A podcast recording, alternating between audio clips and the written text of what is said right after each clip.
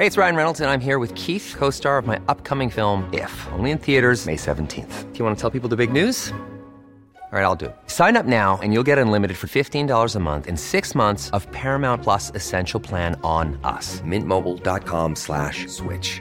Upfront payment of $45 equivalent to $15 per month. Unlimited over 40 gigabytes per month. Face lower speeds. Videos at 480p. Active Mint customers by 531.24 get six months of Paramount Plus Essential Plan. Auto renews after six months. Offer ends May 31st, 2024. Separate Paramount Plus registration required. Terms and conditions apply if rated PG. Ready to pop the question? The jewelers at BlueNile.com have got sparkle down to a science with beautiful lab grown diamonds worthy of your most brilliant moments. Their lab grown diamonds are independently graded and guaranteed identical to natural diamonds, and they're ready to ship to your door. Go to BlueNile.com and use promo code LISTEN to get $50 off your purchase of $500 or more. That's code LISTEN at BlueNile.com for $50 off. BlueNile.com code LISTEN. Hey, I'm Ryan Reynolds. At Mint Mobile, we like to do the opposite of what Big Wireless does. They charge you a lot, we charge you a little. So naturally, when they announced they'd be raising their prices due to inflation, we decided to deflate our prices due to not hating you. That's right. We're cutting the price of Mint Unlimited from $30 a month to just $15 a month. Give it a try at mintmobile.com slash switch. $45 upfront for three months plus taxes and fees. Promo for new customers for limited time. Unlimited more than 40 gigabytes per month. Slows. Full terms at mintmobile.com. Veckans sponsor är Telia. Hos Telia samlar man mobil, bredband, IT-support, mobilväxel, allt som gör företagande enkelt. Och det är just det här att samla allt på ett ställe, att ha någon att vända sig till när det inte fungerar, det är Telia. Ett exempel på vad som inte är Telia, det är ju som när jag lyckas boka förmötet för en poddinspelning med Finansinspektionen till efter själva inspelningstillfället.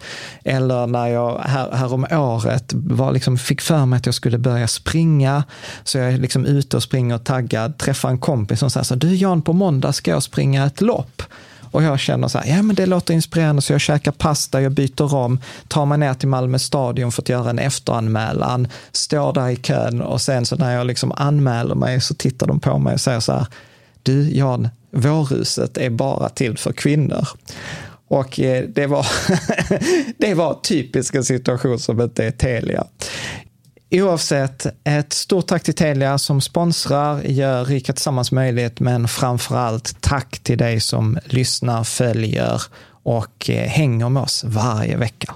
Eftersom portföljerna faktiskt är så pass bra, vi har haft dem i flera år, så behöver man inte göra någon större ombalansering om man gjorde den i april förra året. Men om man är ny och vill börja eller ha en inspiration eller höra hur man resonerar kring att bygga olika portföljer för olika horisonter och olika risk, ja men då är det här ett bra avsnitt. Du lyssnar på Rika Tillsammans-podden som handlar om allt som är roligt med privatekonomi. I den här podden får du varje vecka ta del av konkreta tips, råd, verktyg och inspiration för att ta ditt sparande och din privatekonomi till nästa nivå på ett enkelt sätt. Vi som gör den här podden heter Jan och Caroline Bolmesson. Idag ska, är det dags för avsnitt 186 och vi ska prata om modellportföljerna. Eh, vi ska prata om ombalansering 2021. Mm. Det vill säga de här små, vi gör ju bara förändringar i portföljen en gång om året i normala fall. Under de här senaste sju åren har vi bara gjort det en gång om året, förutom förra året och vi gjorde det två gånger på grund av mars, eh, den här marsnedgången som var så här börshistoriens snabbaste nedgång. Ja. Men tanken är väl här att nu gör vi de ändringarna som behövs och sen låter vi portföljerna vara resten, resten av året. Så att eh, detta är ju egentligen, vad ska man säga, en, en fortsättning på de avsnitt som vi har kört tidigare här i januari. Att normalt sett så brukar vi alltid titta på så här, hur gick förra börsåret? Sen tittar vi på okay, vilka är de fonderna som är nytillkomna eller bra detta året som vi kanske vill byta ut en laguppställning. Och sen kommer då dagens avsnitt eh, där vi tittar på liksom, portföljen, så hur gör vi laguppställningen med de här nya spelarna?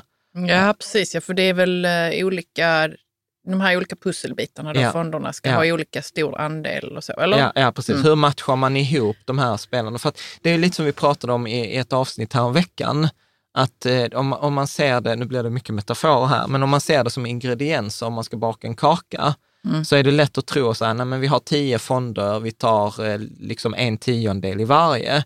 Men det är ungefär som att baka och så ta liksom en deciliter socker, en deciliter vatten, en deciliter bakpulver, en deciliter peppar. Jag har hört denna innan. Ja, det blir inte jättebra. Utan, Vi har aldrig testat den kakan. Den blev inte bra. Nej, ja. så, så nej men det är klart man ska ha lite kanske av någon och mer Ja, av någon ja. annan. Mm. Eh, så att, och, och detta blir också de här portföljerna som har hängt med oss i flera år.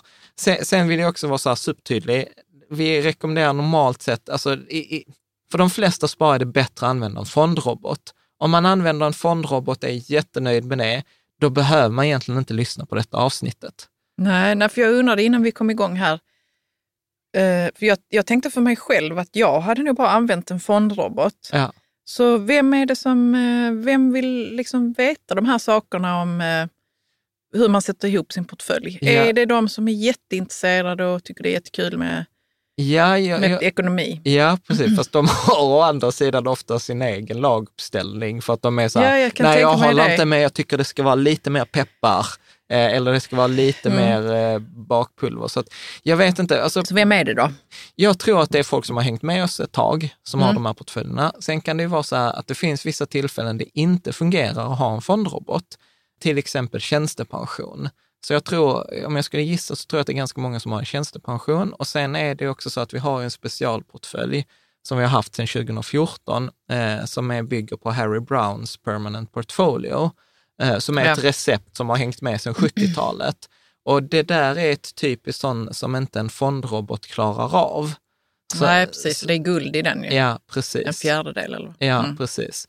Så, så att jag, jag är väl egentligen, eh, egentligen, det var ju större kris fram till 2017, kommer du ihåg? Innan det fanns fondrobotar så var ju detta enda alternativet att ha en laguppställning. Nu får Mm. man ju en skitbra laguppställning med fondrobotarna och då hade jag så här lite existentiell kris. Här, varför ska vi köra de här portföljerna nu när du kan liksom ha en fondrobot som är billigare, det blir bättre, blir större spridning och det tar liksom ingen tid och, och du betalar en hundralapp extra per hundratusen. Men nu är det så här lite, jag, jag gillar ju liksom tävla mot de här fondrobotarna, jag gillar ju att ha, liksom tjänstepensionen behöver man ju ändå ha en egen portfölj i. Ja. Lite, lite Mm. etc. Och sen är det väl kanske också lite allmänbildning, skulle jag säga. Det är det säkert. Men vad får man då? då? Vadå? Vad får man för allmänbildning om man sätter sig in i... Nej men alltså till exempel här, vi, kom, vi, ja, men vi kommer ju göra en portfölj här på fyra fonder som är i princip likadan som Lysa har. Och det är väl också det, eh, den är ju, vår, vår portfölj kommer bara typ ha 5 000 företag medan Lysa så kanske 6 500. Ja. Eh, där, där fondrobotar, till exempel Lysa då, är mycket bättre det på räntesidan. För lite så här, på räntesidan i, i, idag som vi kommer att prata om, det är lite vi lämnar walkover på den. Men, men jag kommer att prata mer om det. Så att, Jo, men vad får man för allmänbildning då? hur, hur till exempel att du ska inte ha en deciliter peppar i en kaka. Det kommer vi prata om. Vi kommer prata lite om guld, vi kommer prata lite om räntefonder, eh, lite, lite forsknings, en liten forskningsrapport kommer vi också få med på köpet Ja, idag. vad kul. eh, ja. Mm. Ja, så att det är väl lite, lite det. Och, och sen är det ju då de här eh, högriskportföljen, mellanrisk, lågrisk och sen den här specialportföljen då, Riket Tillsammans. Och sen den här uppdaterade ombalanseringsmallen. Så det är lite temat för, för Mm. idag. Mm. Och precis som nu på sistone så finns det ju, liksom, detta avsnittet finns ju sammanfattat i ett sånt här expressavsnitt. Men nu har jag bett Rickard, vår designer, att byta ut den här tre minuters loggan mot något annat, för att de blir aldrig tre minuter, de sammanfattar, de blir typ sex minuter Ja. eller sju minuter. Men ja, det är ändå det, kortare. det fixar han. Ja, men det är ändå kortare än en och en halv, eh, en och en halv timme. Ja. Eh, och sen tänker jag så här, jag har faktiskt lyssnat på lite andra poddar nu på sistone och jag tänker så här, de pratar så sjukt mycket i början eh, i, om så här reklam och sponsrade eh, avsnitt. Och våra Ja. avsnitt är ju sällan sponsrade.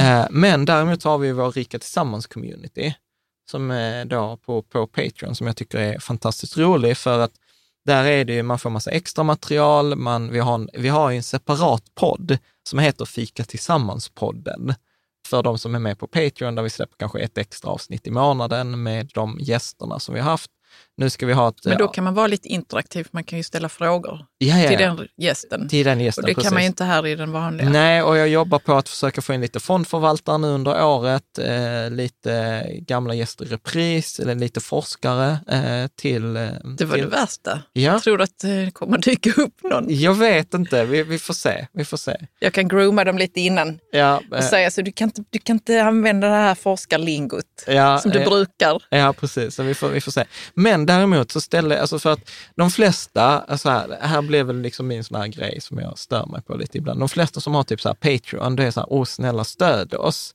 och Ja, skänk pengar. det är väl den vinklingen man som brukar de flesta ta. har. Mm. Och jag, är så, jag vet inte, och den skaver för mig så mycket, utan jag vill ju så att folk ska tjäna pengar på att vara med i Patreon. Mm. Liksom. Så att jag passade faktiskt på att ställa den frågan eh, häromdagen, eh, för nu var det ju nytt år. Så då frågar jag så här, har du tjänat in pengarna på ditt Patreon-medlemskap? Alltså har du blivit rikare av att vara med där?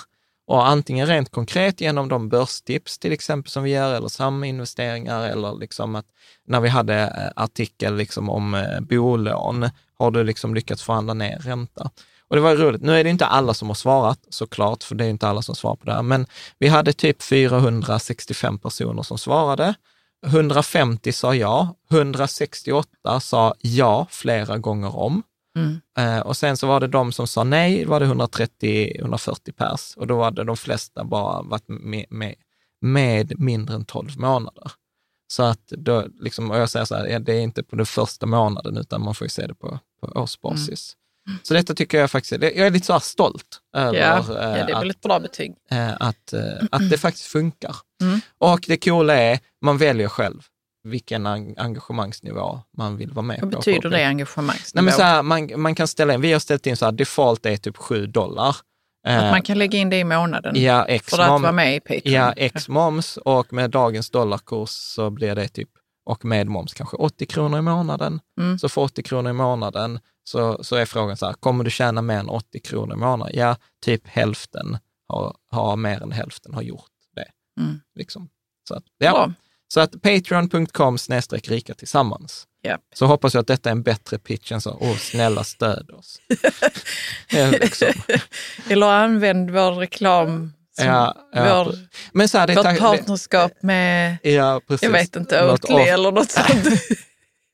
Ja, bra. Nej, vi ska, jag ska inte göra mig lustig över det. Det är klart att man kan ha eh, reklam, men vi Ja. vill inte det. Nej, Nej. utan vi vill att du ska tjäna pengar. Eh, I alla fall, eftersom vi kommer att prata om fonder och hur man ska investera idag, så är det extra viktigt att säga så här, avsnittet är inte sponsrat. Där finns ingen som har fondbolag som har betalat för att få med sin fond i, i de här kombinationerna. Däremot har vi länk eh, till Avanza och Nordnet, sponsrad länk, för det är där man köper sina fonder. Saver kan man också köpa vissa fonder, men det ligger utanför detta avsnittet. Detta är inte finansiell rådgivning, utan detta ska ses som en allmän eh, och subjektiv information. Historisk avkastning är inte en garanti för framtida avkastning. Det pratade vi om i över tio ja, det minuter hade- i förra Ja, det avsnittet. var ett bra avsnitt. Ja, Mm. eh, och såklart investering, där finns inga garantier. Vi kommer prata om Riket Sammansportföljen som typ av alltid ska gå plus. finns inga garantier för att den såklart kommer gå plus, även om den har typ haft bara tre, fyra gånger den har gått back sedan 1970. Och vi har sammanställt detta liksom såklart från massa olika eh, källor. Så man kan läsa mer på riketsammans.se villkor. Mm. Bra. Så att om vi kör igång på riktigt, eh, så kan jag säga så här att om det är så att du har portföljerna sedan förra året, så är det väldigt små förändringar vi gör detta året. Så man skulle egentligen kunna argumentera så här, Jan, jag glömde bort att göra en förändring 2021. Gick det åt helvete? Nej.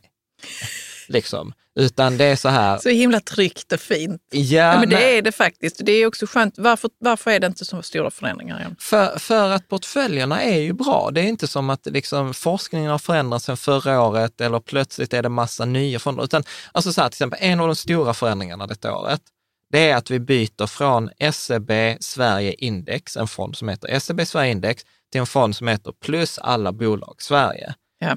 Anledningen till att vi byter är att Plus-fonden, den är ny och den är 0,05 procent, alltså fem baspunkter billigare. Mm. Alltså det är så här, det är den största anledningen till att vi byter.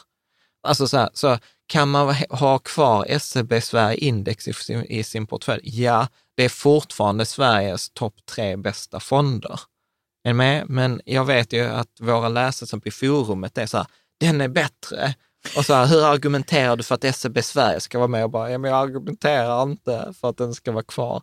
Men det är fortfarande en skitbra fond. Så Ja. att det är, mar- det är marginella förändringar. Vi ändrar guldet från 15 procent i portföljen till 10 procent i portföljen. Det är Så- ju en stor skillnad. Nej, Nej, nej. nej, nej, det är det inte. Men du, får jag bara fråga en annan sak om det här med fonder som kommer och går. Ja, Eh, det, du sa att den här plus ja. var ny, Mm. men det avslutas ju också fonder. Så Ja. vad gör vi då om det mitt i 2021 Jag skulle- avslutas en fond som vi har i Ja, då får man ju byta ut den. Ofta slås de ju ihop med andra fonder som är ungefär samma. Till exempel en sån här stor fond som, som avslutades under förra året, eller avslutas i år, det är ju Handelsbankens råvarufond. Den är ju inte med i någon av våra portföljer, så att det hade ju varit en större ingrepp. Men grejen är så här, detta är ju också anledningen till varför jag gillar ju de här indexfonderna, för de läggs ju väldigt sällan ner. De ska ju bara följa index. Ja, de Så- har inget mål som de, Nej, så att, det de där, inte så, så, följde. så att det är inte som att det faller massa pengar ur Länsförsäkringar Global för att de gjorde 3% förra året. Nej. För att det var vad de skulle göra. Det var ju Mm. det, den diskussionen vi hade för två avsnitt sedan. Där vi sa så här, nej men det är bra att få 3% ett år då index gick 3 Mm. Så att det, det är liksom, Ja, det kanske var en omotiverad fråga. För Nej, att nej, jag det en tänker att vi fråga. har inte sådana där hedgefonder som bara, nej, nu, vi skiter i detta nu, nu lägger vi ner det. Den Ja. gick inte bra Nej, eller någonting nej sånt. precis. Nej. Och det, det är därför jag menar, ett av, vi kommer gå igenom kravspecen och jag har en ganska hård kravspec Mm. som är så här, detta är en portfölj som man skulle kunna teoretiskt glömma bort i tio år. Liksom så här, och sen komma tillbaka om tio år och så bara, åh, titta vad bra det blev. Mm. Det, det, det är faktiskt ett av kraven, så att därför blir det inga nischgrejer, att plötsligt så här, så vi har så här temafond, som i förra avsnittet, någonting som vi inte tog upp i den här bästa fonderna 2020, efter att vi hade gjort inspelningen, så fick jag tips på Rikets Sammansforumet, så här, men kan du inte ta med ett så här temafonder? Så då gjorde jag en lista med sådana här till exempel eh, vatten eller digitalisering eller AI eller Ja, uppskattat? Ja, elektriska bilar. Ja. Alltså att om, om man vill spekulera, för att om man vill spekulera i en bransch så är det många gånger bättre att spekulera i en billig indexfond mot den branschen än en dyr aktivt förvaltad fond. Mm. Så att då tog jag fram till exempel, det finns en sån här fond som heter så här elektriska bilar, som investerar i bolag som har med elektriska bilar att göra. Är- Men vad sa du, var det en, en, En tem- typ av index? Ja. Det är en, det är, är en indexfond mot, mot Mm. elektriska liksom, bilar. Alltså jag trodde inte ens det fanns indexfonder som, som var inriktade mot, eh, alltså så, eh, inte snävt, men det är, man kan ju ändå säga snävt. Ja. Jo, det är snällt. Elektriska bilar, är Ja, snävt. eller IT-säkerhet, eller AI, eller vatten. Alltså jag visste inte att det fanns indexfonder som Jo, var inriktade på det viset. Jo. Men det är ju som du säger, då har man ju... då gör man ett Snä- specifikt bett Ja, vad, på var det. du, vad är det du brukar säga så att man ökar risken genom att man Ja, men det var ju det vi pratade om i förra avsnittet. snävar in sig eller vad det är? Alltså så här, forskningen säger så här, du ska investera så brett som möjligt, så allt annat lika lång tidsperiod. Ju bredare portfölj, desto bättre riskjusterad avkastning. Ja. Riskjusterad avkastning betyder så här, i förhållande till risken så får du mer betalt. Betyder inte att du får högst avkastning. Det är inte absolut avkastning, det är Nej. riskjusterad avkastning.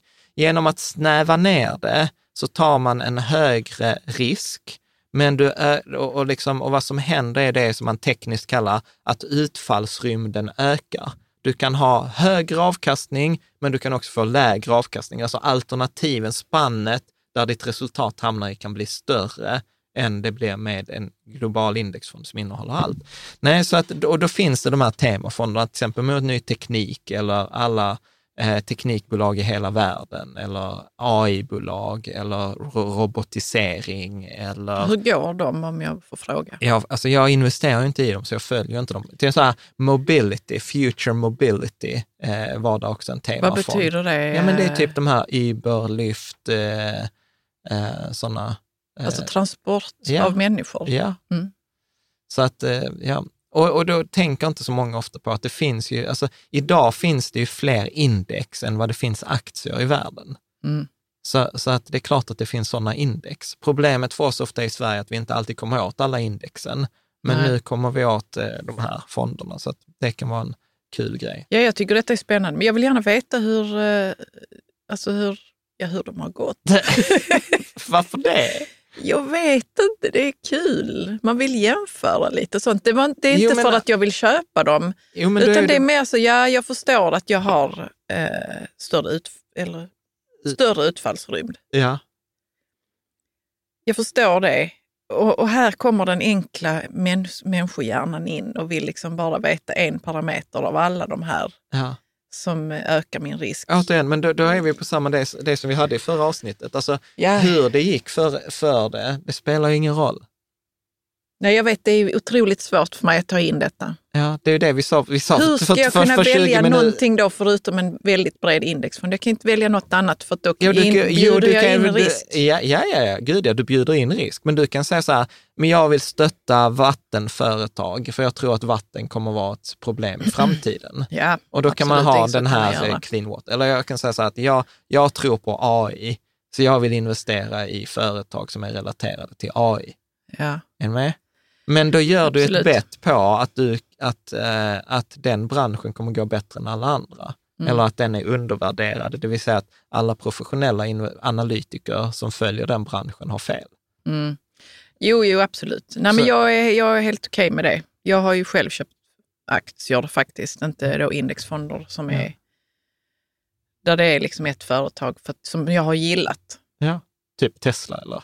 Ja, alltså jag har haft tur med Tesla. Men, Ja. det, men vi, har ju, ja, vi har nog annat också. Som vår dotter köper ju månadens aktie bara i företag som hon tycker om. Ja, hon, alltså Och då, eh, notera att Freja aldrig har frågat pappa, hur har aktien gått historiskt? Men jag tror inte hon förstår att man kan kolla det. Och vi ska kanske inte berätta det heller. Nej. Nej, Nej. jag tror inte det heller. Men, men nej, jag tycker det är fint att man kan stötta Ja. en bransch. Ja, det kan Eller också- du är lite så, ja, ja, det du, där är stöttar, du stöttar inte branschen. Detta är, det är samma problem som med hållbarhet. Alltså företaget påverkas ju inte vem som äger aktien. Nej, med? nej, men tänk dig en, en hord med småsparare som, som vill stötta. Ja, men det spelar ingen vad, roll. vad ska man säga? Du använde ju ordet stötta innan. Gjorde jag? Ja, det var ett misstag. gjorde det. Och så, så, Nej, alltså, Jag nej. hittade inte på det själv, att man kunde stötta en bransch. Jo, men för det är ungefär som att säga så här, eh, eh, någon har köpt en Volvo-aktie, Mm. eh, eller förlåt, en Volvo-bil, och nu säljs Volvo-bilen på Blocket. Det, det är ju inte bara att jag köper en Volvo-bil på Blocket, har ju ingen påverkan på företaget Volvo. Är du med? Jag köper ju den av en gammal säljare. Eller hur? Så att det påverkar ju, det- Volvo får inga nya pengar för att det säljs en Volvo-bil på Blocket. nej, och nej, det är jag det- förstår detta. Ja, så Men det var du som använde ordet stötta. Ja, men skyll inte Okej, men vi mig. går, vi går vidare nu. skyll inte detta på mig. Jag har svårt när det är inspelat. Ja, det är inspelat. Vi kan gå tillbaka och kolla sen. Ja, skönt. Who Jaha. said what? Ja, precis. Bra, så att eh, om vi ska då titta på de eh, modellportföljerna som vi har, så balanserar vi, så pratar vi om det utifrån risk. Och detta är också så faktiskt så här, för att jag tror ungefär om två veckor, så, eller tre veckor, så kommer vi göra ett uppdaterat avsnitt av fyra hinkar-principen. Ja. För nu är det typ eh, ja, men 50 veckor sedan vi gjorde, Eh, vi gjorde det avsnittet och jag har fått en hel del frågor. Jag själv har utvecklat modellen vidare, bråkat lite med folk på forumet som är så här, jag tycker den är onödig. Och sen sa jag så här, ja fast du använder ju den själv. Och så fick jag så här, ja det är sant, det tänkte jag inte på. och då var jag så här, okej, där finns en pedagogisk poäng för mig i fyra hinkar-principen. Och, och då Ja, men han, vad, vad tänker du då? Att du behöver motivera bättre? jag behöver förklara Ja, den mycket bättre. absolut, att det är jag många, med. att det är många som med. tycker att den är klurig. Ja. Liksom. Och så här, ja, jag är tre år smartare nu med fyra hinkar-modell. Men i alla fall, så då pratar vi från ingen risk. Och ingen risk i då 2021, det är bankkonto med insättningsgaranti. Jag kollade till exempel så här, Collector kunde man nu ha 1,25 procent om man låser det i 12 månader. Så man kan idag få 1,25 procents avkastning garanterat. Eh, Ja. Liksom, okay? Men Så är det också så... Det? Insättningsgaranti. Insättningsgaranti. Ja, det är det. det, är Mm. det. Eh, Så att det är ingen risk. Sen har vi låg risk, som är då försiktiga portföljen, mellanrisk, som är då nybörjarportföljen och riket sammansportföljen. Och sen högst risk är det som heter då globala barnportföljen.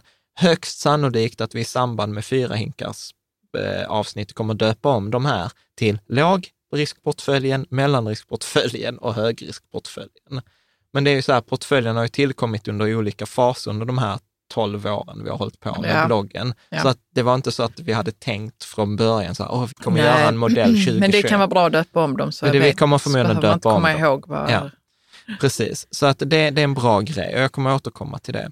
Och, och sen kravet då på de här portföljerna som vi har, det är ju ganska många och det är här man behöver vara liksom med på problemställningen innan man väljer en sån här portfölj. Och, och sen har jag då eh, på forumet nu, jag hänger ju mycket på Riket Sammansforumet, och då är det ju människor som är extremt duktiga och som typ har som enda jobb att liksom vara kravställare. Så jag får ju alltid feedback när jag har skrivit så här, ska vi diskutera den här portföljen nu? Och så här, det är, mist, det, är, det är inte tydligt vad det är du frågar efter. Eller, kan, det du låter ju som jag nästan. ja, kan du formulera detta bättre? Vad är det du vill diskutera egentligen? Ja, precis. Ja. Och jag kommer ihåg en kurs vi hade på högskolan om kravställning, där de hade som bild på, på, på en bild på skylten som stod på dörren till Tekniska högskolan, där det stod så här pälsdjur och rullskridskor förbjudna. Ja. Och, och då var, hade vi en hel föreläsning om den här skylten. Var det liksom, var pälsdjur tillåtna om de inte hade rullskridskor på sig? Ja. Liksom, för, för att det är, För det är ju otydligt. Ja, ja men Liksom, alltså det pälsdjur- är ena hjältar och sådana eh, kravställare. Ja, så till exempel Mm. Jonathan eh, och Daniel eh, Nilsson, tack och ni är skitjobbiga. Liksom. Så att eh, jag, jag har liksom försökt definiera liksom en bra portfölj Mm. eh, här. Och då har jag sagt så här, att portföljerna ska både kunna passa ihop i en helhet, att jag ska kunna ha en lågrisk och en mellanriskportfölj och de ska matcha ihop. Men jag ska också kunna ha bara en mellanriskportfölj. Med, så det har varit ett krav. Eh, de ska kunna fungera både för nybörjare och proffs, vilket man normalt tycker är jättekonstigt. Men, eh, men jag, jag, jag tycker att det är viktigt att eh, oavsett om du har sparat i tio år eller i ett år, så ska de här portföljerna faktiskt fungera. De ska inte vara optimerade för nybörjaren eller de ska inte vara optimerade för den som är avancerad. För plötsligt har vi inte fyra portföljer, då har vi plötsligt tio varianter av de här portföljerna. Det ska fungera liksom i linje med, eh, med forskningen, så att det ska vara liksom ett alternativ. Jag ska kunna välja en fondrobot, men jag ska kunna välja den här portföljen också. Och Ja. kanske till och med få den billigare än, än en fondrobot. Mm. Eh, om där. Och sen också så att man ska kunna förklara det för en tioåring. Varför du väljer... Varför, varför ser portföljen ut så här? Ja. Eh, så att, så att, Men eh, varför ska man kunna förklara det för en tioåring tycker du? Men jag, jag tycker för att förr eller senare så kommer det bli ifrågasatt, eller du kommer titta på din portfölj och säga så här, varför har jag den här fonden? Mm. Eh, och då ska man kunna liksom så här logiskt härleda, så, nej men jag har den här för att. Ja, Det på ska- ett enkelt sätt. På ett ja. enkelt Mm. sätt. Och det ska, vara liksom, det ska vara logiskt, man ska kunna fatta processen bakom det. Nej, men vi har eh, till exempel en global fond för att vi vill äga alla företag i hela världen. Vi har en Sverigefond för att vi bor i Sverige och då är det rimligt att vi vill ha en större exponering i svenska kronor. Eh, vi har en småbolagsfond för att en global fond tar inte med småbolag. Mm. Alltså är det med så att det ska... Men allt detta förstår ju en tioåring, det Ja. som du säger. Ja.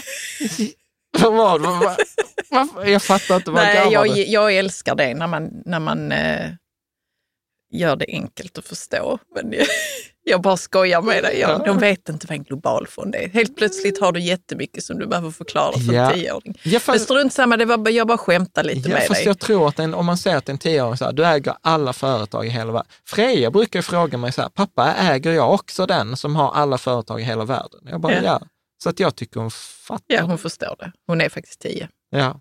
Och sen så tänker jag också att eh, portföljerna ska kunna fungera om du har 10 000 kronor eller 10 miljoner. Mm. Så att de ska också vara så här beloppsagnostiska. Oh. Vad? Vad är det du så spjuver idag? Ja, förlåt. Jag Nej, bara det tycker okej. det är så fina ord. Du, Okej, ja. Be- heter det så verkligen? Nej, jag vet inte. Nej. Men jag tyckte agnostisk, har- agnostisk handlar väl om att du inte har någon tro, Mm. tror jag. Eller inte, Det- att du inte har någon, alltså att du inte tar ställning.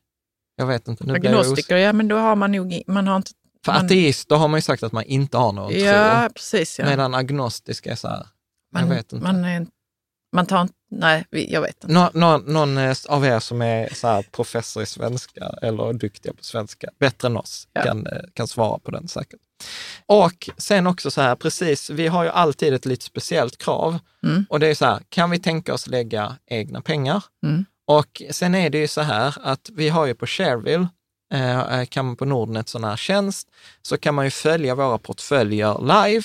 Man kan inte se hur mycket belopp, mycket pengar vi har i dem, men man kan se vilka fonder etc. Men summan av våra portföljer är långt mer än en miljon. Så att på sätt och vis är det också så här att, att vetot här är så här, ja, vi måste kunna tänka oss fördela en miljon kronor på de här, på de här portföljerna. Eh, så att, eh, att lägga liksom skin in the game, eh, som Taleb eh, pratar om. Och sen så optimering på det som vi pratar om, riskjusterad avkastning. Alltså vi tävlar inte att ha högst avkastning. Vi, vi ska vara den här, som vi pratade om i något avsnitt, Tour de France-cyklisten som kommer i mål varje år. Vi ska inte liksom vara så här, och vi vann med tio minuter framför alla andra och sen ett annat år så hamnar vi i diket. För då spelar det ingen roll att du vann föregående år om du hamnar Nej. i diket året efter. Man ska kunna göra en egen twist på dem, så detta är ett nytt krav för i år. Eh, Mm. Ja, du får gå vidare. Du får utveckla det sen. Nej, jag gissar jag- att det oj. kommer, eller? Nej, jag tänkte inte Nej, prata nej. mer om det. Nej, men jag tänker så här, säg att man, eh, jag vill ha den där eh, grön energi, Mm. temafonden. Då ska man kunna sätta in den gröna eh, temafonden i den här portföljen. Så det ska liksom finnas utrymme för lite variation. Så att jag har lite så här, om du inte håller med här så kan du byta ut denna mot en temafond. Ja, ja, okej, Eller men den har, då har den en given storlek på sin Ja, pusselbit. Mm, Så, så kan man fundera. Ja. Det ska vara billigt, såklart, för det pratade vi om också i förra avsnittet, att den viktigaste, eh, pre, den, det nyckeltalet som har störst prediktiv förmåga är låg avgift. Och jag tror att ingen av portföljerna kostar mer än 0,3 procent. Så det är under det här nyckeltalet 0,4 procent. Mm. Det ska vara grundläggande hållbarhet. Eh, vi har även en som är extra hållbar, ett alternativ här. Eh, och det ska också bygga vidare på den historien, för vi har ändå flera års historik på Shareville. Och detta är ju mitt bästa argument mot troll. För jag får alltid så här, vilka skitportföljer och så här, jag, jag gjorde minsann mycket bättre och om man inte får 10 procent 2020 så borde man överväga vad man håller på med. Och då är jag alltid så här, du jag har sju års historik på mina portföljer, visa sju års historik på dina portföljer så kan vi börja prata, annars varför ska jag lyssna på dig? Mm. Eh, så jag vill kunna bygga vidare. Säger du det då till dem eller Nej, du ibland. tänker det bara och Jag skiter tänker- i vilket? Jag tänker det ibland eh, Ja. Mm. och ibland säger jag det. Och då får jag, det är aldrig någon som har så här, okej men här är min portfölj. Nej. Så att, eh, ja, nej, jag är lite trött. Eh, ingen tror om framtiden i portföljerna och de ska fungera på både Avanza och Nordnet. Så att det kommer vara så här, någon kommer säga, men varför har du inte med Avanza Global eller Avanza Emerging Markets-fonderna? För jag säger, de finns bara på Avanza och jag vill ha en portfölj som spelar ingen roll om du använder Avanza eller Nordnet. Återigen, för vi vill inte hamna i den här Men finansiella... kan vi missa någonting som är bra då?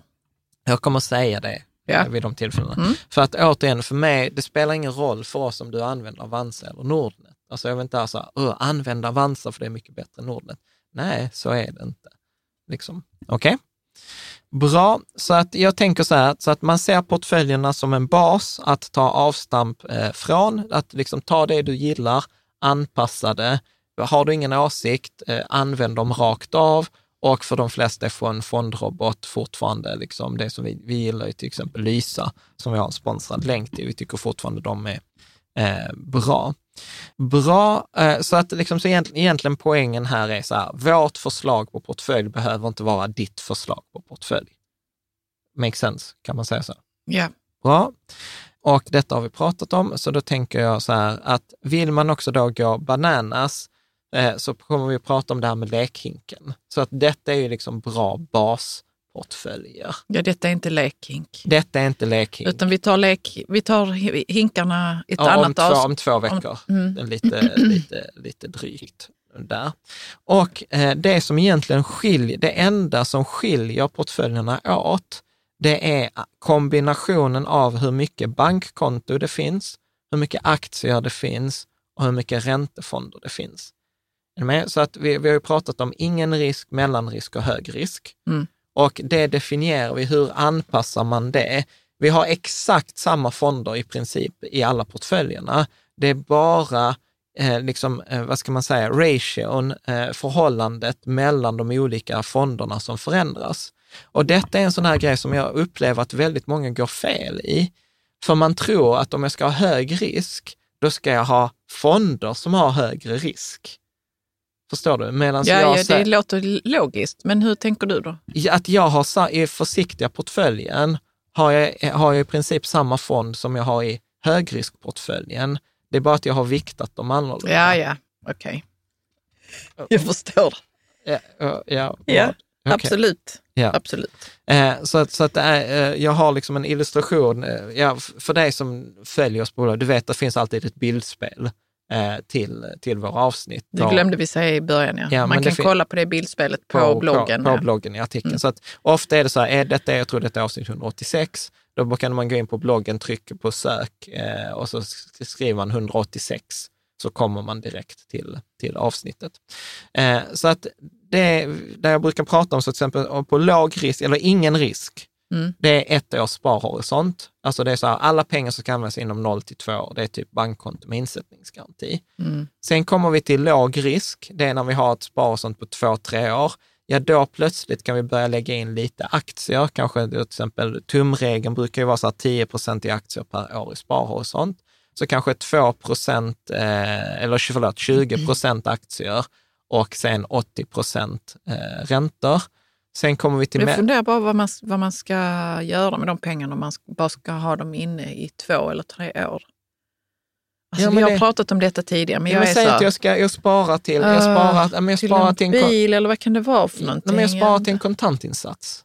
Ja, till ja exempel. okej. Då är Man det tänker att man ska inte flytta förrän som tre, fyra Ja. år kanske. Ja. Mm. Eller om man, barnen är 14 och de ska ha pengarna när de är 20.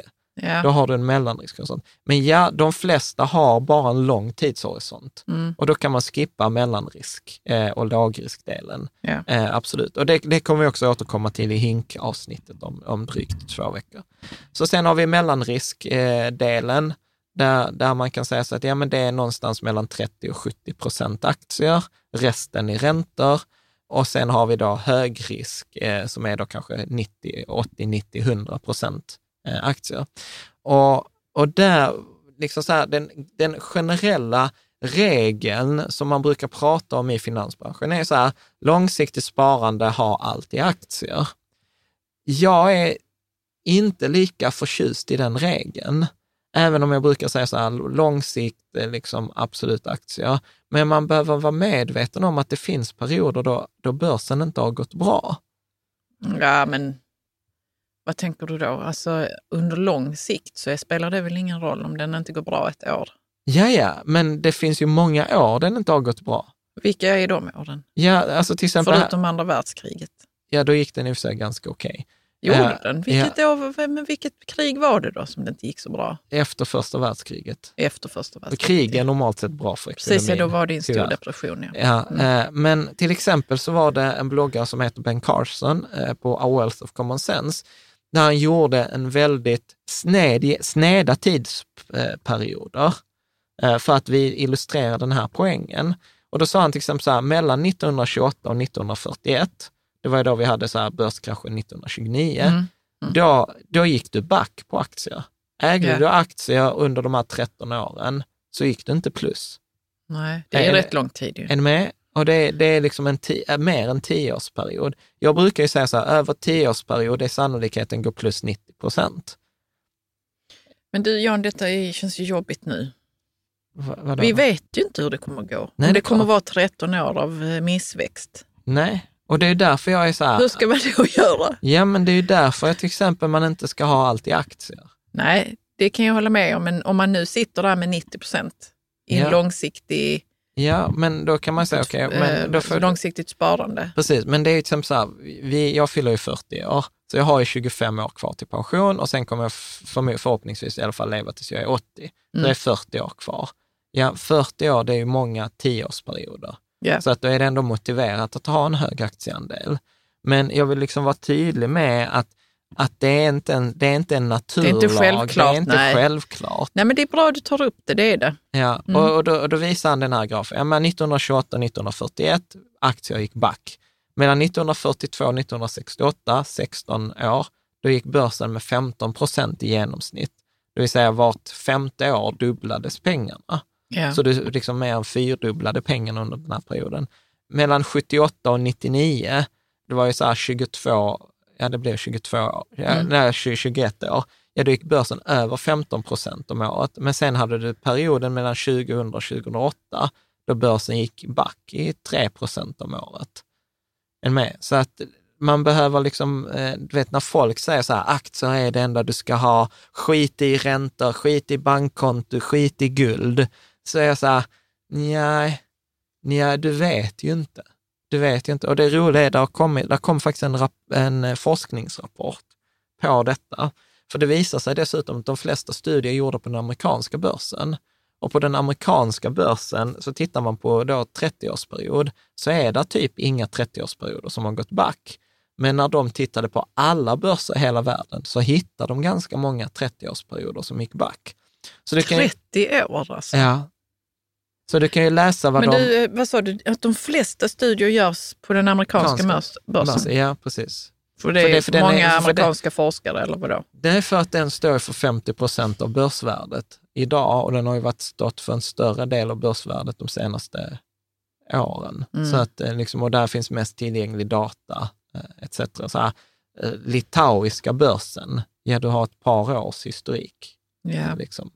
Ja. Men detta är en studie som kom ut eh, för ett par månader sedan.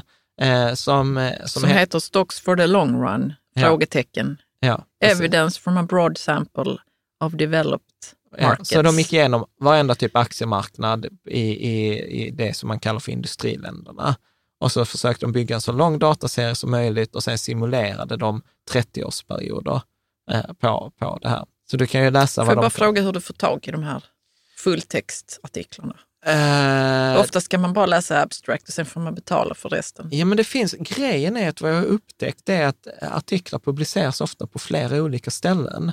Och sen ibland så publicerar de dem på sina egna hemsidor. Ja, för det får de inte egentligen. Får, får du inte Nej, det? inte om det är en sån eh, tidskrift som man måste betala för att få Ja, läsa ja. pdf-en eller fulltext. Ja. Och ibland köper jag Men dem. jag, skitsamma. Ja, alltså, sen, är, sen ska jag också vara så här, de är ju inte jättedyra att köpa. De kostar ofta så typ 80 spänn, 200 spänn. Alltså, Ja. så, att, så att jag brukar Nej, nej. köpa dem. Mm. Och sen är det faktiskt så att det är ni läsare många gånger som också mejlar dem till mig, som bara, hej, har du sett denna studien?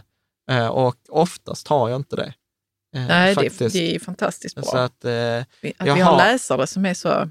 ja, jag fick ett mejl av Moa Lång, denna tror, nej det var inte från Moa, eller så kanske det var det. Moa Långberg skickade någon studie till mig Mm. och, eh, nu också. Så tack Moa. Jag läser det. Mm. Okej, du vill att jag ska läsa detta här. Ja. Detta är då utdrag från artikeln. We characterize the distribution of long-term equity returns based on the historical record of stock market performance in a broad cross section of 39 developed countries over the period from 1841 to 2019. Our comprehensive sample mitigates concerns over survivorship and easy data biases that plague other work in this area. Ja, så de säger så här, vi tittar på 39 börser Mm. eh, mellan 1841 och 2019. Och eftersom de har så liksom, många marknader och så mycket data, så har de faktiskt liksom ett ganska stort statistiskt underlag, vilket gör att många fel som kommer från ett för litet underlag kan de liksom korrigera för. Så Ja. detta är liksom den största studien på flest marknader längst tidshistorik. Mm. A bootstrap simulation analysis implies substantial uncertainty about long horizon stock market outcomes, and we estimate a 12% chance that a diversified investor with a 30 year investment horizon will lose relative to inflation. The results contradict the conventional advice that stocks are safe investments over long holding periods. Mm. Vad är det här bootstrap simulation egentligen? Är det Alltså, bara en, de gör eh, datasimulering? Ja, de gör en av- modell och så tar de baserat på den här historiska datan så säger man så här, om samma förutsättningar, samma statistiska förutsättningar kommer gälla även i framtiden, hur kommer börsutvecklingen ske ut om vi gör detta, tror jag, 10 miljoner gånger?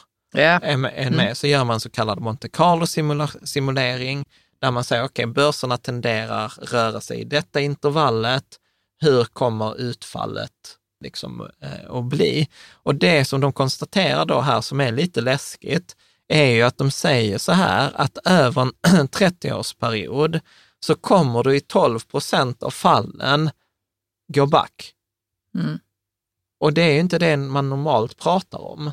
Och kommer du ihåg den här artikeln som vi hade med Erik Strand, eh, Dragon Portfolio? Ja, det, så, jag minns det mycket väl. Så sa han ju precis samma sak, att det Mm. finns ju 30-årsperioder, alltså generationer, som, där aktiemarknaden inte har varit någon hit. Ja, alltså jag visste inte det innan vi pratade om den Nej. Nej, men jag tror inte de flesta tänker på detta. Och, och, eh, och detta är ju liksom då ovanligt när man pratar om den amerikanska marknaden. Men när man tittar på fler börser som inkluderar japanska börsen, som inte har varit någon hit på 30 år, då märker man att det, det är inte en naturlag att börsen ska gå upp. Nu är inte detta en anledning till att inte investera i aktier, eh, utan detta är väl mer att, att vara medveten om det och kanske liksom egentligen ett case för att man ska ha fler tillgångar än bara aktier. Ja, jo men när man tar upp det här med sådana 30-årsperioder eller långa perioder när andra börser inte har gått så bra. Alltså är det, inte- har inte det varit för att de har varit omogna börser eller? Nej, nej så kan du inte säga. Har vi inte ett annat börsklimat idag än för, Nej. du vet, Nej. 1929? Nej. Vi är människor, vi är fortfarande giriga. Så här, första bubblan hade vi på 1700-talet. Det är ju inte som att vi är smartare 300-400 år senare och inte har Nej. bubblor. Nej, vi, det är vi inte. Nej, Nej. Så, att, nej så kan man inte säga. Så, att, nej, så, att detta, är, så att detta är bara liksom sån här att ha i bakhuvudet, så när någon säger så här, ja men du ska alltid ha aktier, det är det som alltid går bäst, så bara så här, I'm sorry, du har inte stöd för det i forskningen. Att det, är, det är fortfarande nio fall av tio, men det där tionde fallet, eftersom som de forskarna skriver så här, ja men när, om jag tittar på mig själv, jag är 40 nu och säger att jag, jag räknar 30 år fram tills jag är 70. Jag har bara en 30-årsperiod. Mm. Och i liksom nio fall av tio kommer det bli bra om jag har 100 procent aktier. Men där finns också det där tionde fallet då det inte blir bra. Och det behöver, jag, jag tycker ändå så här att det behöver man ändå ha i hänsyn. Men, är detta något du har lagt upp, ut på forumet? För jag har inte sett, jag har inte varit där inne på nej, men- nej. Men jag det- tänker att här finns otroligt mycket eh, säkert um, argument som faller, liksom, eller som, som kommer att... Alltså forumet är ganska så här, de är ju ganska kloka. Det är snarare Twitter jag gillar att bråka med. Eller ha en konfliktyta. Alltså jag har ju träffat folk som är så här, ja men jag har tre års spar och sånt. Ja men köp aktier för allt. Jag är så här, ja vi behöver inte ens gå in på det. Jag tycker det är oansvarigt. Bra. Mm. Så för att då hoppa ner i den nitty gritty. Eh, Så eh, på, på forumet, efter typ 100 liksom, kommentarer, så kom vi fram till något som man skulle kunna kalla för en Rika Tillsammans 100% aktieportfölj. Så vad är basen? För då tänker vi lite som Lysa gör, detta har jag studerat rakt av från Lysa, att de har en 100% aktieportfölj och sen har de en ränteportfölj. Och sen säger de så här, kör man 50-50, ja då tar du bara 50% av 100 aktieportföljen. Är du med? Så att man bara, 50 ska, så man bara skalar ner. Man har en kaka, ungefär som ett recept. Jag har ett recept för fyra personer. Vill jag göra det för åtta personer så bara dubblar jag allting. Ja. Vill jag ha en recept för två personer så bara tar jag hälften. Så vi utgår från att när vi ska ha aktier i en portfölj så ska aktiedelen alltid se ut så här proportionsmässigt. Hänger du med? Du ser väldigt förvirrad ut. Vi, tittar ju här på din eh, slideshow, eller vad man Ja, säger. på mitt Ditt bild- bildspel. Ja. Är det... Eh, nej, jag är förvirrad. Ja. Okej, Mm. så här. Jag har satt ihop en, och, och jag leker, så antagandet vi har gjort i forumet här, det låter så här, vi ska sätta alla pengar i aktier. Hur fördelar vi aktieingredienserna? Vilka ska vi ha och hur ska de vara sinsemellan? Ja. Är ni med? Då har vi konstaterat att den bästa portföljen som vi har kommit på i forumet är 70 procent global fond Och då tog vi den bästa globalfonden från förra avsnittet, Länsförsäkringar global indexnära. Sen säger vi att eh, globalfonden tar ju inte hänsyn till tillväxtmarknader. Kommer du ihåg? Då hade vi den kartan. Så då säger vi så här, okej, okay, då lägger vi till 10 procent tillväxtmarknad. Ja. Sen säger vi så här, globalfonden tar inte med småbolag och där finns liksom stöd i forskningen för att småbolag är bättre, går, tenderar att gå bättre än andra eh, storbolag. Så då tar vi med 10 procent globala småbolag i Handelsbanken Global småbolagsfonden. Ja. Och sen säger vi, vi bor i Sverige, det är rimligt att argumentera för att vi borde ha en övervikt mot Sverige, så vi tar med 10 procent svenska bolag. Ja. En med, så vi har 70 procent global fond, 10 procent globala småbolag, 10 procent tillväxtmarknad och 10 procent Sverige. Okej? Okay? Make sense?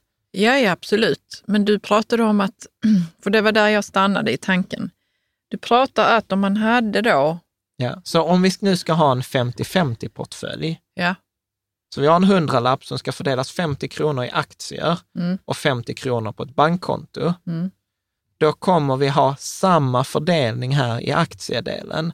Så då tar vi 50 kronor gånger 70 procent, det vill säga 35 kronor i globalfonden, 5, 10, eh, 5 kronor i tillväxtmarknadsfonden, 5 kronor i alla Sverigefonden, 5 kronor i globala småbolagsfonden. Så vi har samma fördelning trots att vi bara lägger 50 kronor som när vi lägger 100 kronor. Ja. Okej. Fattar du? Men det som jag fastnade vid var innan att du pratade om att man fick en lägre risk fastän man hade lagt jättemycket pengar i aktier. Va? Du pratade om det här med massa pengar i aktier och sen så hade man då eh, resten i räntor. Ja. Och så bara tog man ner risken till 50 procent. Eller jag förstod inte riktigt. Och sen så bara gick du vidare på något vis. För, Ja, men detta är Ja. basport, för detta är liksom basen för aktiedelen. Och sen kommer vi kombinera ihop detta med räntor och guld. ja, ja okej. Så detta är en komponent. Förstår du? Detta är, alltså vi har tre tillgångsslag. Vi har tre kategorier av Mm. Okej, ingredienser. jag tror jag förstår Vi har aktier, vi Ja. har bankkonto och räntor. Ja. Så här ska Okej. aktiedelen se ut. Okej, så här ska aktiedelen se ut. Eh, och nu går vi vidare till, Till om man, om man vill ha extra hållbar aktiedel. okej, Så detta är aktiedelen för de flesta och sen så är det vissa som säger så här, okej, jag vill ha en extra hållbar aktiedel, för jag Mm. tycker att det är viktigt.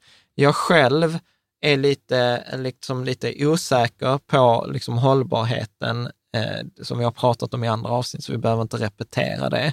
Så jag, jag gillar ju den här basportföljen som vi pratade om nu, för den ger oss, eh, den ger, avgiften för den är 0,26. ja, Eh, Den ger 5 500 bolag och alltså det är, det är en sjukt bra portfölj och den kommer liksom med stor sannolikhet typ gå som en fondrobot. Är med? Den är inte lika bred, fondrobotarna är lite bredare, men det är marginellt. mm. Så att jag är sjukt stolt över den. Tittar vi om man vill köra extra hållbart, då får, kommer man få betala mer, ungefär 0,2 procent mer, så då kommer man hamna på 0,48 och istället för 5 500 innehav så kommer man bara ha 1700 innehav eh, i det här. Men då är tanken samma. Vi har en bred globalfond som heter då SPP Global eh, Plus, som är då, står då för 80 procent. Sen har vi SPP Emerging Markets, alltså för att kompensera för tillväxtmarknaderna. Och sen har vi SPP Sverige Plus på 10 procent. Så Ja. samma tankesätt. Det vi har plockat bort här är globala småbolag, för det finns ingen hållbar eh, global småbolagsfond. okej. Okej. Och listorna, alla de här finns ju på bloggen. Häng- Hänger ni med? Ja. Bra. Så om man ska ta liksom, eh, en kommentar till det här, nu har vi pratat om Länsförsäkringar Global, där kan man byta ut mot till exempel Avanza Global om man kör Avanza eller, eller liksom så här. Och man, vill, man kan också lägga till liksom fler globalfonder eh, genom att säga så här, men jag vill inte ha 50 procent i en enda fond, utan jag vill ha 20 procent i SPPs globalfond, 20 procent i Länsförsäkringar och 20 procent i Swedbanks. Så kan man också göra, eh, men jag upplever det bättre att den är enkel. Eh, Ja, ja, liksom. absolut. Men var det inte, är det inte så att de också överlappar varandra, eller? det, det är som att köpa gott och blandat. Men jag säger så här, jag köper hellre gott och blandat både på ICA och på Coop. Eh, För jag vill inte lägga alla mina pengar på Coop. Är med? Fast man köper ändå samma. Man kör det ändå samma gott och blandat. Men det kan ha vikt, alltså så här, Varför, Där- varför ska man göra så då? ja men detta är så här nischgrejer. Eh, Alltså till exempel så här, om vi har belåning på Avanza, så, så säger Avanza så här, du får sämre ränta om du har för mycket i en enda fond. Eller Nordnet säger det. Så de säger så här, för att du ska få den bästa räntan på belåning, då får du max ha 20 procent i en enda fond. Så då behöver jag dela upp globaldelen på tre fonder, Okej. eh, Ja. eller fyra. Okej? Okej. Bra. På samma sätt, man kan byta ut den här tillväxtmarknadsfonden, Länsförsäkringar Tillväxtmark mot Avanza Emerging Markets på Avanza, om man Mm. kör där. Och också här innan vi dyker ner i modellportföljerna, så är det så att vi har valt, eller jag har valt att ta med guld i alla portföljerna. Och guld är en kontroversiell eh, investering och det är här jag kommer få mest kritik, eh, högst sannolikt. Du ser, du ser ut att du har checkat ut. Nej, jag har inte checkat ut. Jag tänker mest så bara, eh, fine, du vill ha guld, men du kommer säkert att prata om om man inte vill ha Ja. denna delen. Ja. Så att det är väl, det Ja. är väl inget att argumentera med. Nej, nej, nej, men precis. Nej, men jag tänker så här, argumentet för guld är ju så här att det skyddar mot inflation, eh, det skyddar mot regeringars inkompetens. Eh, liksom. Vad tänker du då? Eh, ja, men det är, ju- jag, jag trodde aldrig att vi skulle säga att USA har eh, haft någon inkompetens, men nu vet jag inte ifall man kan säga det. Jo, men de eller det kan man inte. Ja, det är svårt att Det säga. är svårt att säga. Ja. Ja, det är Mm. svårt att säga. Men till Men vilka att, regeringar tänker du på? ja, vi har ju inte... alla, Ja, okej. alla Mm. regeringar trycker ju mer pengar och historiskt sett har inte det varit ett framgångsrecept. Ja. Liksom att vi blir ju fattigare i kronor. Mm. Så att eh, liksom guldet har ju varit en värdebevarare i flera tusen år. Och man kan se, jag ser ju framförallt guldet som en försäkring i portföljen. Och det finns ju en sån här klassisk tumregel att man kan ha mellan 5 och 10 procent guld i sin portfölj. Sen är det ju sådana som Erik Strand som tycker att man ska ha 40 procent guld för att, eh, men då gör man ju ett bett, alltså en spekulation i att vi kommer hamna i ett scenario där guld kommer gå bättre än annat. När jag säger 5-10 procent så säger jag så här att jag har ingen åsikt om hur guld kommer att gå, fram, eh, gå framåt, utan jag säger så här att guld, salt tenderar smaka bra på en stekt biff. Liksom.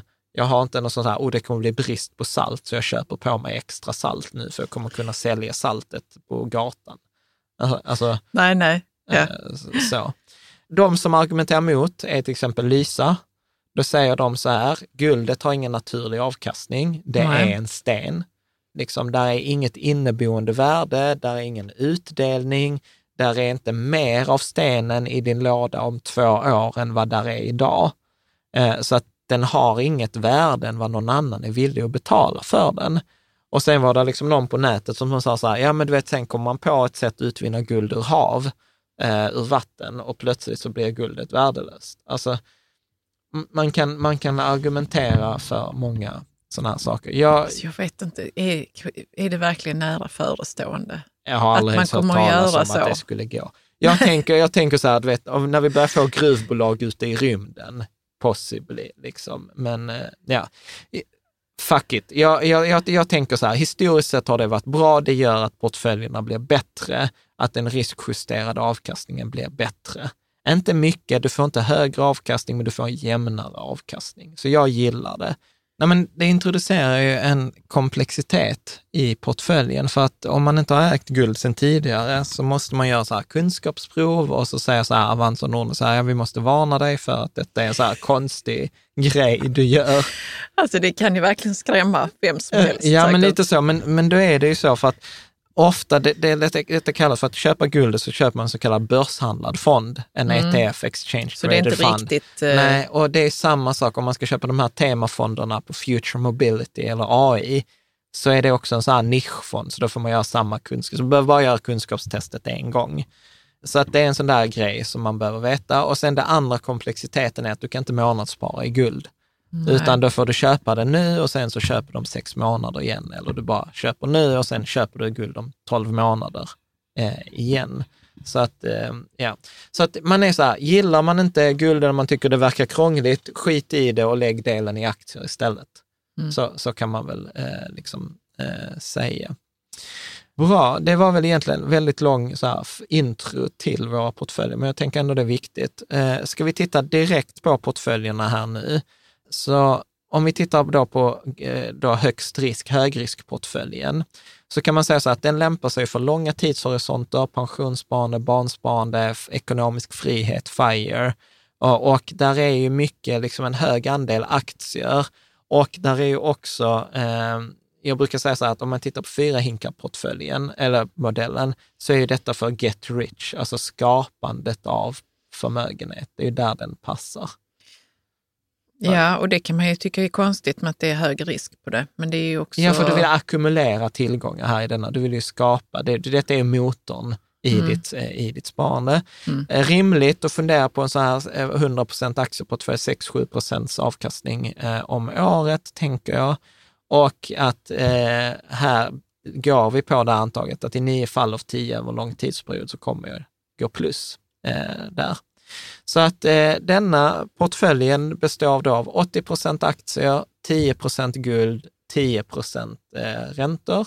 Och räntor här i detta fallet är bankkonto med insättningsgaranti. Jag har skrivit kontanter. Så att eh, de där 80 procenten, då har vi den här basportföljen som vi sa innan. Eh, och omräknat så blir det 60 procent globalfond, 10 procent Sverige, 10 procent eh, förlåt, 5 globala småbolag, 5% tillväxtmarknader. 10% guld, 10% på bankkontot med en insättningsgaranti eller saldokontot. Ja. Så ganska Men kan, enkelt. Det, kan den verkligen då funka för någon som har eh, 20 miljoner, säger vi? Ja. För hur mycket ska man då ha på sitt bankkonto? Då är det ju 2 miljoner. Ja. Det låter ju som jättemycket pengar som bara står och blir uppätet av inflation. Ja, fast å andra sidan så är har 100 procent aktier och, sen går du back över en 30-årsperiod. Jag vet inte vad jag ska säga. Jag, kan inte, jag har inga siffror i huvudet nu på hur mycket jag skulle bli av med och hur det skulle hjälpa mig att ha pengar på bankkontot då. Ja, men alltså till exempel... Då kanske jag hellre vill ha dem i guldet då. då.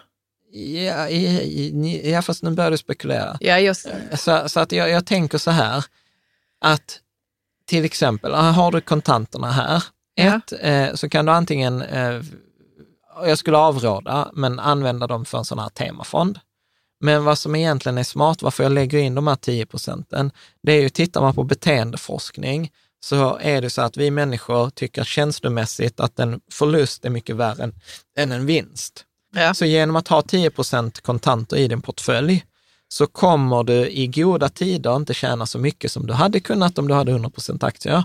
Men i dåliga tider då börsen går back så kommer du gå mindre back än om du hade 100% aktier.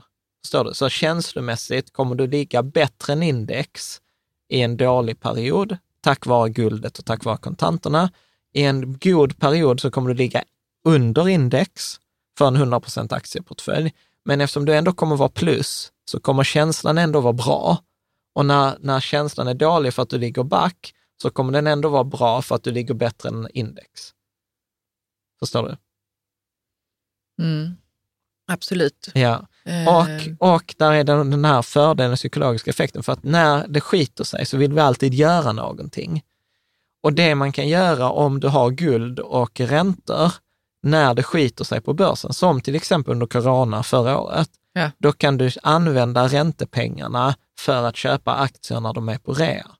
Ja, det vill man ju såklart. Ja, ja det är jag inte är... säkert, men, men, Nej, men, det är inte men, säkert, men, men det, det, det, är en potential. Det är en potential och då är det mycket bättre att du tar ett steg, att om du ändå ska röra på dig i en kris, då är det bättre att du tar ett steg fram än att du tar ett steg bak. Mm. Liksom, och blir aggressiv och på detta sättet så har du ett, ett torrt krut. Så att jag, jag tycker ju till exempel att en 90-10-portfölj är bättre än en 100-0-portfölj, eller i detta fallet en 80-10-10-portfölj är det. Så här kommer vi lägga majoriteten av pengarna för, mm. för i år. Ja. Så är det okej okay med att vi lägger majoriteten? Ja, det är jag. Okej. Okay. Eh, hänger du med på hur, hur den är eh, konstruerad? Så mm. att, eh, bra. Eh, om man ska säga så här, eh, och i stora drag så är detta så som den ser ut förra året. Så skiftet här, jag tror att vi förra året hade 15 procent guld Och sen tror jag att vi hade en räntefond, så nu säger jag så här, bankkonto, insättningsgaranti, vi har bytt ut eh, SEB Sverige Index mot plus alla bolag eh, Sverige. Så att marginell förändring, man behöver inte ens göra denna förändringen om man inte, eh, om man inte vill. Nej. Bra. Så att, ja, här kan man ju säga någonting om räntor. Vi kommer att prata mer om det när vi kommer till nästa portföljerna. Eh, men räntefonder är ju liksom kluriga, för en räntefond funkar ju så att en räntefond ökar i värde när räntan går ner och när räntan går upp så minskar en räntefond i eh, värde. Det, vi pratar om detta i avsnitt 64 tror jag. Så att idag blir ju liksom den stora frågan blir så här, varför ska jag ha en räntefond och ta en risk för att tjäna en procent när jag kan tjäna en procent riskfritt eh, på ett bankkonto? Så därav är många portföljerna i, i år kommer en stor del bankkonto med insättningsgaranti.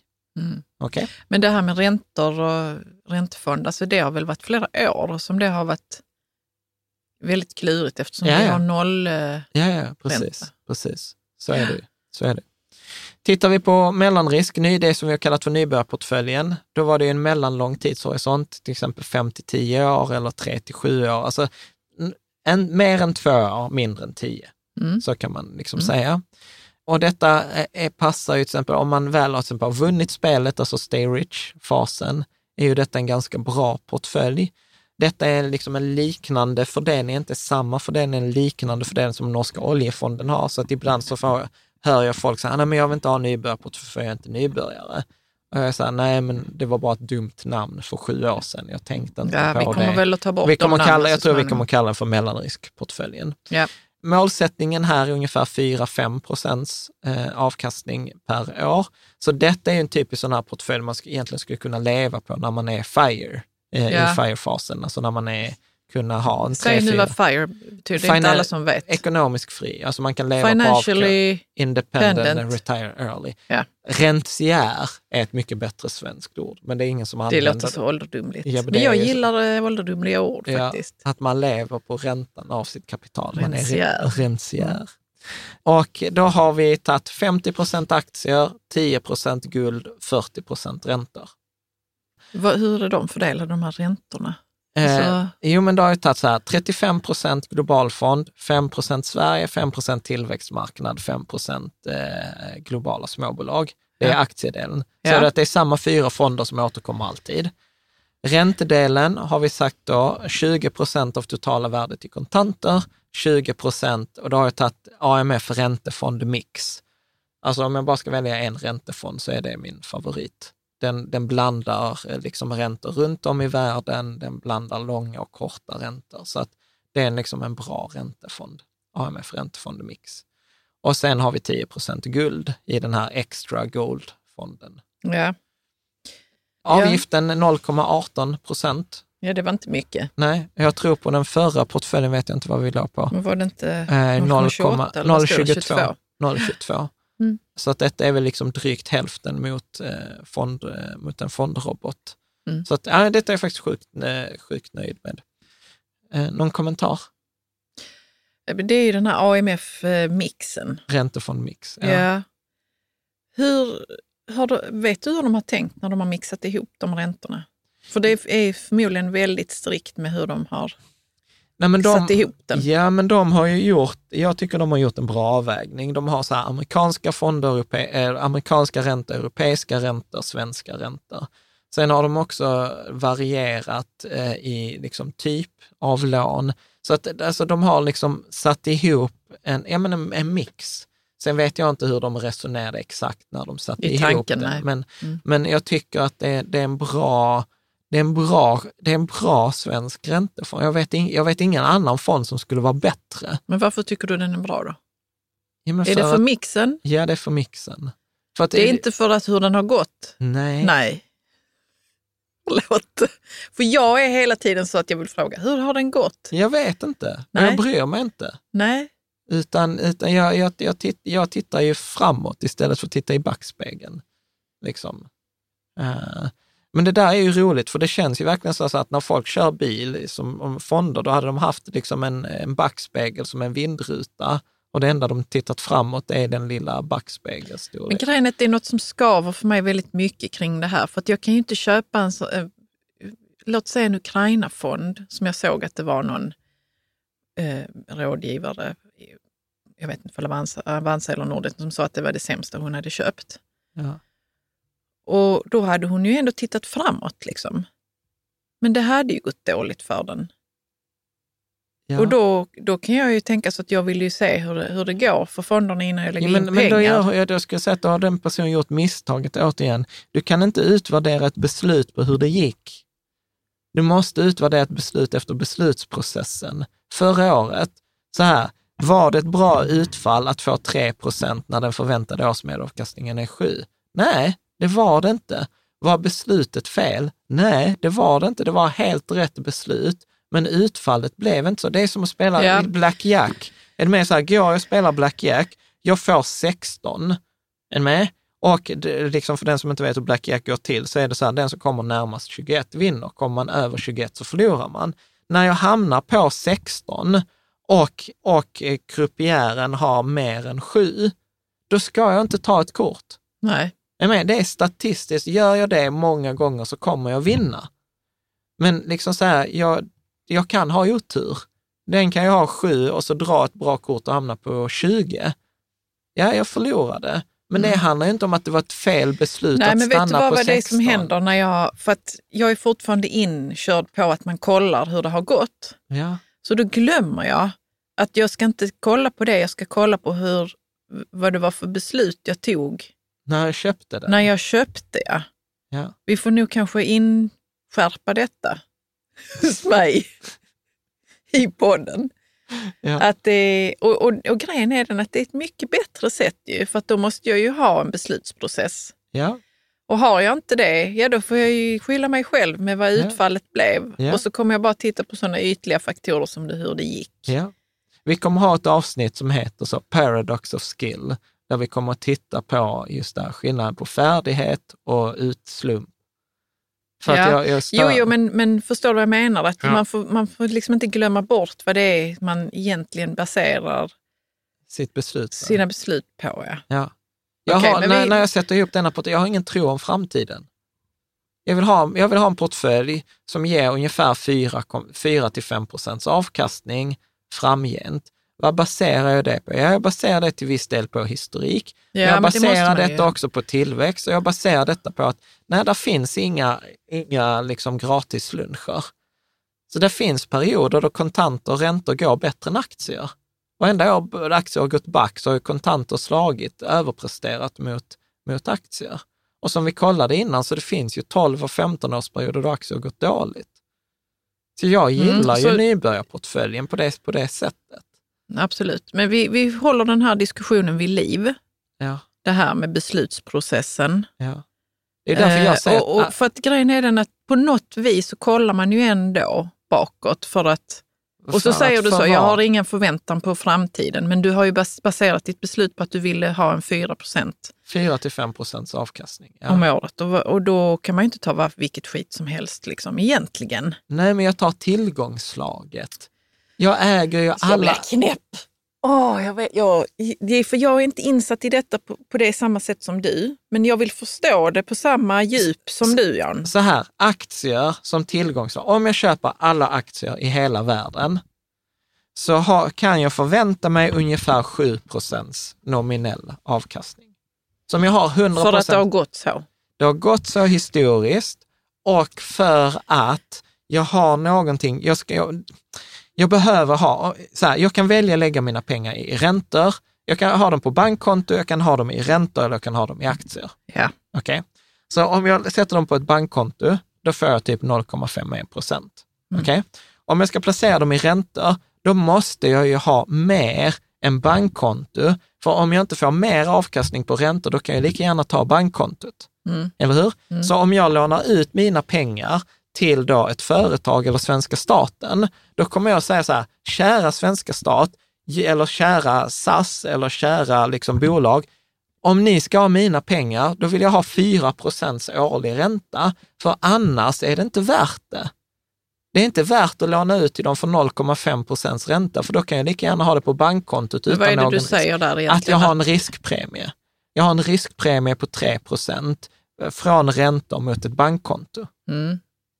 Okej? Jag överdriver lite för att göra det tydligt, för nu är problemet vi har nu med räntor är att riskpremien är ju samma för räntefond och bankkonto och det är därför vi plötsligt börjar ta mer bankkonto än räntefonder. Ja, jo men visst. Än mer för att riskpremien är borta.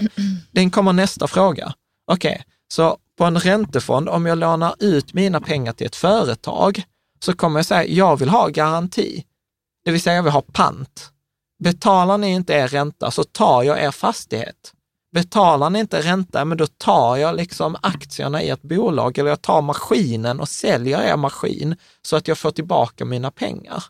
Men det är ju därför jag har räntor. Ja. Okej. Japp. Nästa steg är ju då aktier. Mm. Aktier, då säger jag så här, jag har ingen säkerhet. Går företaget konkurs, då får jag inga pengar. Jag kan inte ta maskinen och sälja den. Och då säger jag så här, om jag ska ge er equity, om jag ska ge er pengar, då vill jag ha mer betalt för de pengarna än om jag hade gjort ett lån. Eller hur? För att lån har jag säkerhet 3 procent, Mm. men då vill jag ha ytterligare 3 procent och då vill jag ha 7 procent avkastning för att det ska vara värt för mig med equity. Förstår du? Ja. Därför kommer aktier alltid över tid ge mer än räntor. Över tid, allt annat lika. Och räntor kommer alltid ge mer än bankkonto. För jag tar en högre risk i respektive steg. Så därför kan jag resonera som att hur vet jag att aktier kommer ge 7% Nej, det vet jag inte. Men om de inte ger 7% så finns det ingen anledning att äga dem, för då kan jag välja att sätta pengarna i ett annat tillgångsslag. Mm. Och eftersom aktier är det som har högst risk, så kommer det också ge högst avkastning. Hänger du med? Absolut. Så därför tittar jag på så här, så hur kan jag för att minimera risken med företag, då vill jag äga alla aktier. Det är därför jag har en globalfond, äger alla företag i hela världen. När jag väljer min räntefond, vad väljer jag för en räntefond? Jag väljer en räntefond som äger så många olika räntepapper som möjligt. De lånar ut till svenska staten, till amerikanska staten, till europeiska stater. De lånar ut lån på kort sikt, på lång sikt. Så jag försöker ha så många lån i den här fonden som möjligt. För då behöver jag inte ta ett enskilt bett om att säga så här, svenska flygbolag vill jag låna ut till. Ja, då kan jag få 20 procents ränta, men Norwegian har gått i konkurs. Mm. Alltså, Nej, men det är bra förklarat, hela beslutsprocessen, vad den är baserad på. Ja. Eller hur? Ja. Bra förklarat. Vi kanske ska ha detta som ett klipp. Ja, det kanske vi har. Caspian, Ja. du får klippa ut detta. För då förstår jag liksom vad beslutsprocessen är baserad på. ett- ja, Att den... ja. Och då Eh. blir det så här, ja, tittar jag på historiska saker, ja, för då tittar jag, vad är riskpremien? Men då, och det kan man göra så här, liksom, någon slags, nat- ja, vi behöver inte dyka ner i det, men man kan prata, man kan prata mycket mer om det här Men det, detta är så nytt för mig.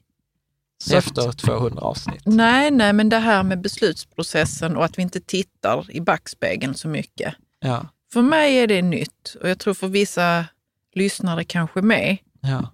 För det är inte så länge vi har pratat om det, att man aktivt ska sluta titta i Ja, backspegeln. nej, för mig, jag fattar det. För mig har det varit ganska tydligt, men det har blivit frustrerad för att jag får hela tiden den, den inspelat. Och då har jag varit så här, nej men det är kanske inte så himla tydligt. Nej, liksom. det är ju en tegelsten som har kommit i huvudet på dig och så har du någon dag vaknade du upp och tänkte så. Att folk är idioter. Ja, du Nej. tänkte det först, men sen Nej. när tegelstenen hade slått dig tillräckligt hårt så tänkte du, Att jag får inte varit förklara detta, hur jag jag, har inte tänker. varit tydliga. Jag har bara Ja. antagit att alla fattar ju att historisk avkastning, så här, jag så här, vi säger det i varenda avsnitt. Jo, det är klart man säger det, men bakom det påståendet så ligger det ju jättemycket annat. Ja.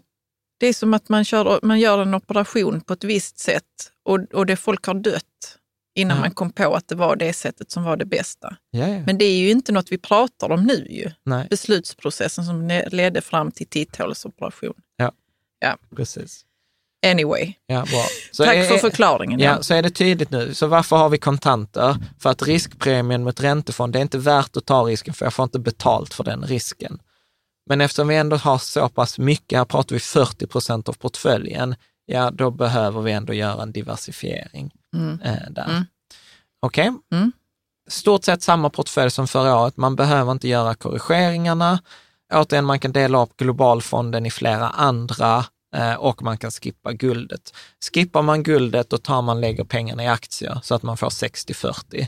Nu har vi 50-10, 50-40-10, men då kör man istället 60 aktier, 40 räntor, samma, samma uppdelning.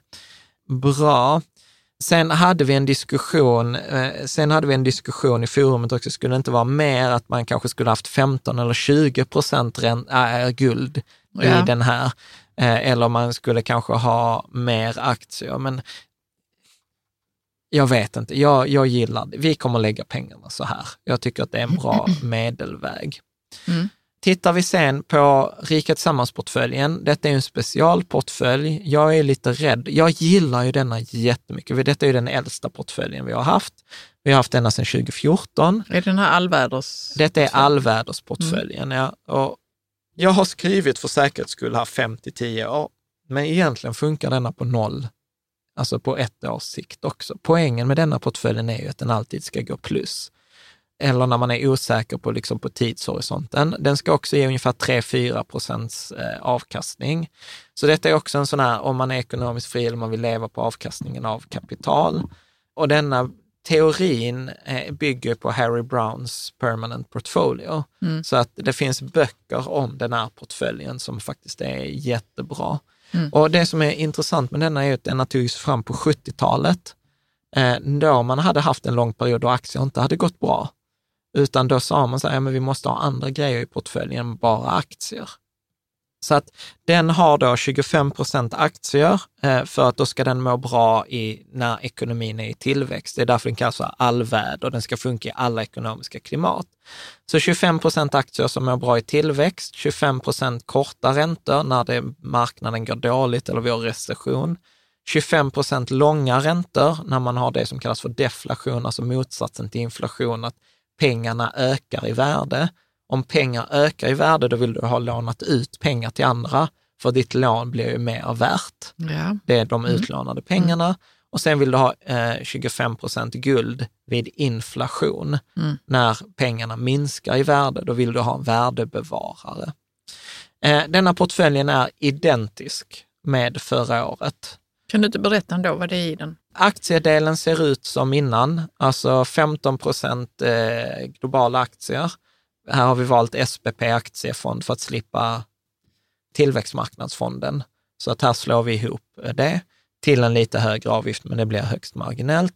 Vi har globala småbolag på 5 procent och vi har eh, aktier, eh, svenska aktier på 5 procent. Plus det, alla bolag, ja. står det här. Mm. Alltså det är, samma, det är återigen samma fond som återkommer. Ja, jag tänker bara om man inte vet vad som ingår så kan ja, det vara man bra kolla, Man kan kolla på nät. Ja. Ja. Eh, sen har vi 25 procent kontanter, alltså bankkonto med insättningsgaranti. Sen har vi eh, 25 procent guld, där vi har då den här Extra Gold och en annan som heter Wisdom Tree Physical Swiss Gold. Så att vi inte har allt i samma guldfond, vi har delat upp det. Och sen har vi de här långa räntorna. Och detta är den mest kluriga delen i den här portföljen och den som gör mig rädd för den här. För vi har säger så här, räntan är låg, räntan borde egentligen gå upp och sen lägger vi till en räntefond som är då jättemycket hävstång.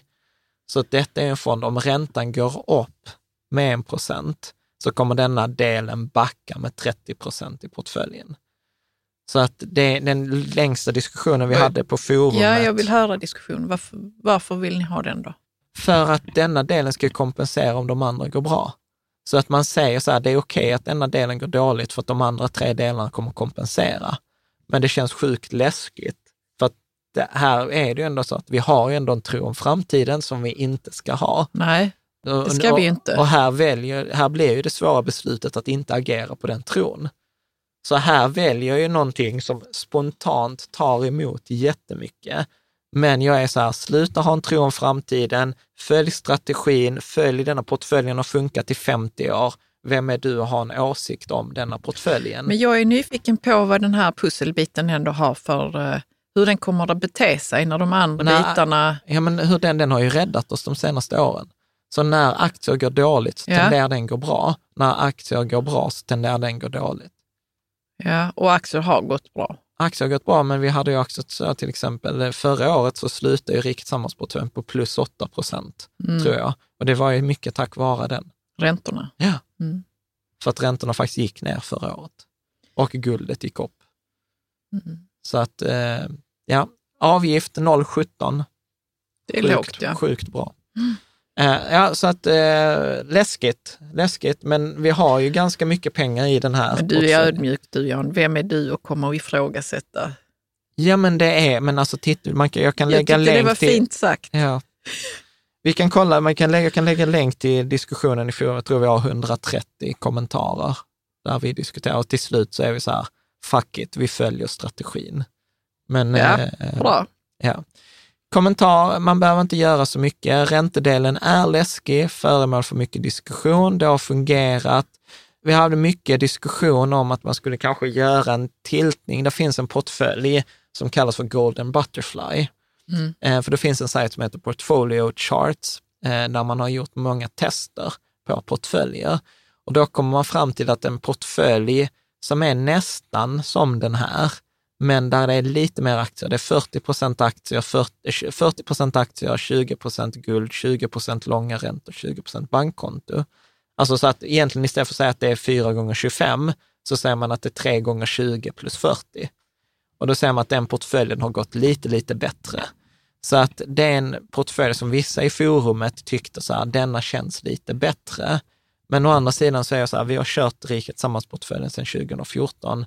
Låt oss fortsätta med den, den it has served us well. Varför heter den Golden Butterfly? Eh. Jag vet att vi har pratat om denna innan. Jag vet inte, han som tog fram den döpte den till Golden Butterfly. Att det var Tänk så. att sådana ekonomer kan vara lite så poetiska. Ja, men att Ja. det är fyra olika tillgångsslag och så såg det ut som vingarna på en fjäril. Mm. Eh, Och så är det guld i den. Ja. Ja. Precis. Tittar vi på försiktiga portföljen eh, så är detta eh, liksom Enda anledningen att ha denna, det är om man har en stor buffert, att man har till exempel, kommer fram till enligt fyra att man ska ha en buffert på 150 000. Då är det liksom, liksom att man kanske inte vill ha allt på sparkontot. Idag säger jag så här, skippa nog den försiktiga portföljen. Ha pengarna på ett bankkonto med insättningsgaranti. Det, det är bättre. Men eftersom vi har börjat med den här portföljen så tänker jag att vi kommer ha den även i år och så ser vi detta långsiktigt. Ja. Och då säger vi så här, 15 procent i aktier, 5 procent i guld. Så vi har alltså 20 procent i högrisktillgång och sen har vi de resterande 80 procenten i, ränte, eh, i, alltså i räntor. Och då har jag sagt 40 procent kontanter, 20 procent AMF räntefond mix och sen lägger vi till här en fond som heter AMF räntefond lång. Så att här blir liksom första gången det kommer in en ny räntefond. Mm. Men det är ändå spännande att du säger att det är hög risk. Det här aktiefond global som du har där.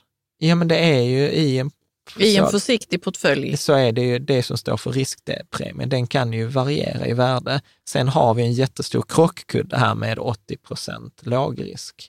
Ja. Så att, så att detta är ju liksom att man ändå har eh, liten del som kanske ska stå för 1,4 procent. Eh, är tanken att den delen ska göra om året och den andra ska göra 0,8. Så att här ska vi få ungefär 2,5 procent om året i en sån här portfölj Ja. över en lång tidsperiod. Och det är ju bättre än de 1, procenten som vi får på bankkontot. Men å andra sidan så på bankkontot har vi ju ingen risk. Nej, precis ja. Bra, så att eh, man kan, denna delen kan man utöka till fler räntefonder. Man kan också variera, sätta in lite mer aktier, lite mindre aktier. Men, men eh, ja, det är inte så mycket mer att säga där, tänker jag. Det Nej. är väl eh, den portföljen jag lyckades minst med förra året. Så här. Bra. Allt detta, eh, som vanligt, så har vi gjort en sån här ombalanseringsmall. Eh, och ombalanseringsmallen för dig som är ny, det är helt enkelt en Excel-fil där vi har skrivit in fonderna och man behöver egentligen bara ange så här, hur mycket pengar har jag som jag vill fördela på portföljen eller vilka fonder har jag idag? Och så fyller man i så här, jag har denna fonden för 2 000 kronor, denna för 3 000 kronor. Och sen kommer den säga, du borde köpa den här fonden för det här, du borde sälja den här fonden för det här. Så den hjälper bara till med det matematiska Ja. att, att ombalansera. Och ombalansering handlar ju om att det har ju, ofta glider det under, eh, under ett år. Så då kan man gå in på rikesammans.se mall 2021 så kan man då komma åt den här. eh, Ställa, ja. Det, och, och precis som du säger, om man då redan har till exempel globala barnportföljen, Ja, hög, eller högriskportföljen. ja. Så bara fyller man i beloppen. så man loggar men in det på är när sitt... du säger att det glider, det är att det, fördelningarna flyttas liksom Ja. under året. Sen ska man ju då också säga återigen, eh, under 2020, alltså portföljen slutade på plus 3 procent. Ja. Så glidningen är ju högst marginell. Ja. Alltså så att, så att man kan egentligen skippa ombalansering detta året. Alltså det, om, om, om skillnaden inte är så himla stor. Mm. Eh, Så att, ja, så att det är väl egentligen en, en, en detalj eh, på det, på det sättet. Eh, Bra. Mm. Nej, sen, sen tänker jag att det är väl egentligen inte så mycket mer att säga. Men vi har Nej. ändå pratat en och en halv timme. Om små förändringar. om små jo, men det har väl varit det här med beslutsprocess och många har varit med i beslutsprocessen, eller hur? Absolut. Alltså till alla portföljerna så har vi haft en diskussion i forumet. Så vill man liksom ha förarbetet liksom till där, varför har vi resonerat så här? Hur har invändningarna varit? Vad har varit för? Vad har varit emot? Så kan man ju liksom följa hela diskussionen och där kan man också ställa frågor. Så har man en fråga kring de här portföljerna eller man har till exempel så här, men jag, jag har min tjänstepension på Länsförsäkringar, jag kan inte välja den här fonden, vilken fond ska jag välja istället? Forumet är ett superbra ställe att ställa de frågorna på. Så då kan man gå in på riketsammans.se forum Mm. och så kan man ställa frågorna, eh, ställa frågorna där. Ja. Eh, En grej här, för detta fick jag förra året jättemycket mejl om. Mallen är en sån här Google Sheets som är skrivskyddad. Så för att du ska kunna använda den här mallen så måste du ladda ner den till din dator genom att trycka arkiv, ladda, spara som Excel-fil på datorn. Eller om du använder Gmail så kan du trycka på eh, så här kopiera och så gör du då en kopia på den här eh, vad heter det, på den här portföljen så att du kan fylla i dina värden. Ja, Bra! jättebra. Med, med det återstår väl egentligen att eh, liksom bara säga tack för att du hänger med oss, att du lyssnar på eh, oss och sen så tänker jag att eh, nästa vecka vet jag inte riktigt vilket avsnitt det blir, men det kommer inom kort kommer det bli eh, ett eh, fyra hinkar avsnitt. Sen kan jag också säga att vi, vi har faktiskt infört ett nytt nyhetsbrev som är så att det skickar ut mejl varje gång vi släpper en artikel. Eh, för innan Det- skick, Ja, det kan nog vara uppskattat. Ja, för att innan hade, och det görs automatiskt. För jag vet ju så att det är så att det är typ sex månader sedan jag skickade det vanliga nyhetsbrevet. För har, Ja, du har prioriterat Jag har att prioriterat göra det. avsnitt. Ja, Mm. så, att, eh, så att jag kommer lägga ut en länk också här till ett formulär. Så om, om det är så att man vill ha ett, liksom ett mejl eller en notis eh, varje gång det kommer ett avsnitt på bloggen så kan man prenumerera på det. Och sen naturligtvis, eh, tittar du på detta på YouTube eller så tryck prenumerera, samma sak Då får i man din, det i- podd, mm. i din poddspelare. Mm. Så att, ett fantastiskt stort tack. Lycka till med eh, sparandet. Lycka till med ombalanseringen. Har du några frågor, ställ dem gärna i forumet eller i, i, i kommentarerna. Mm. Tack!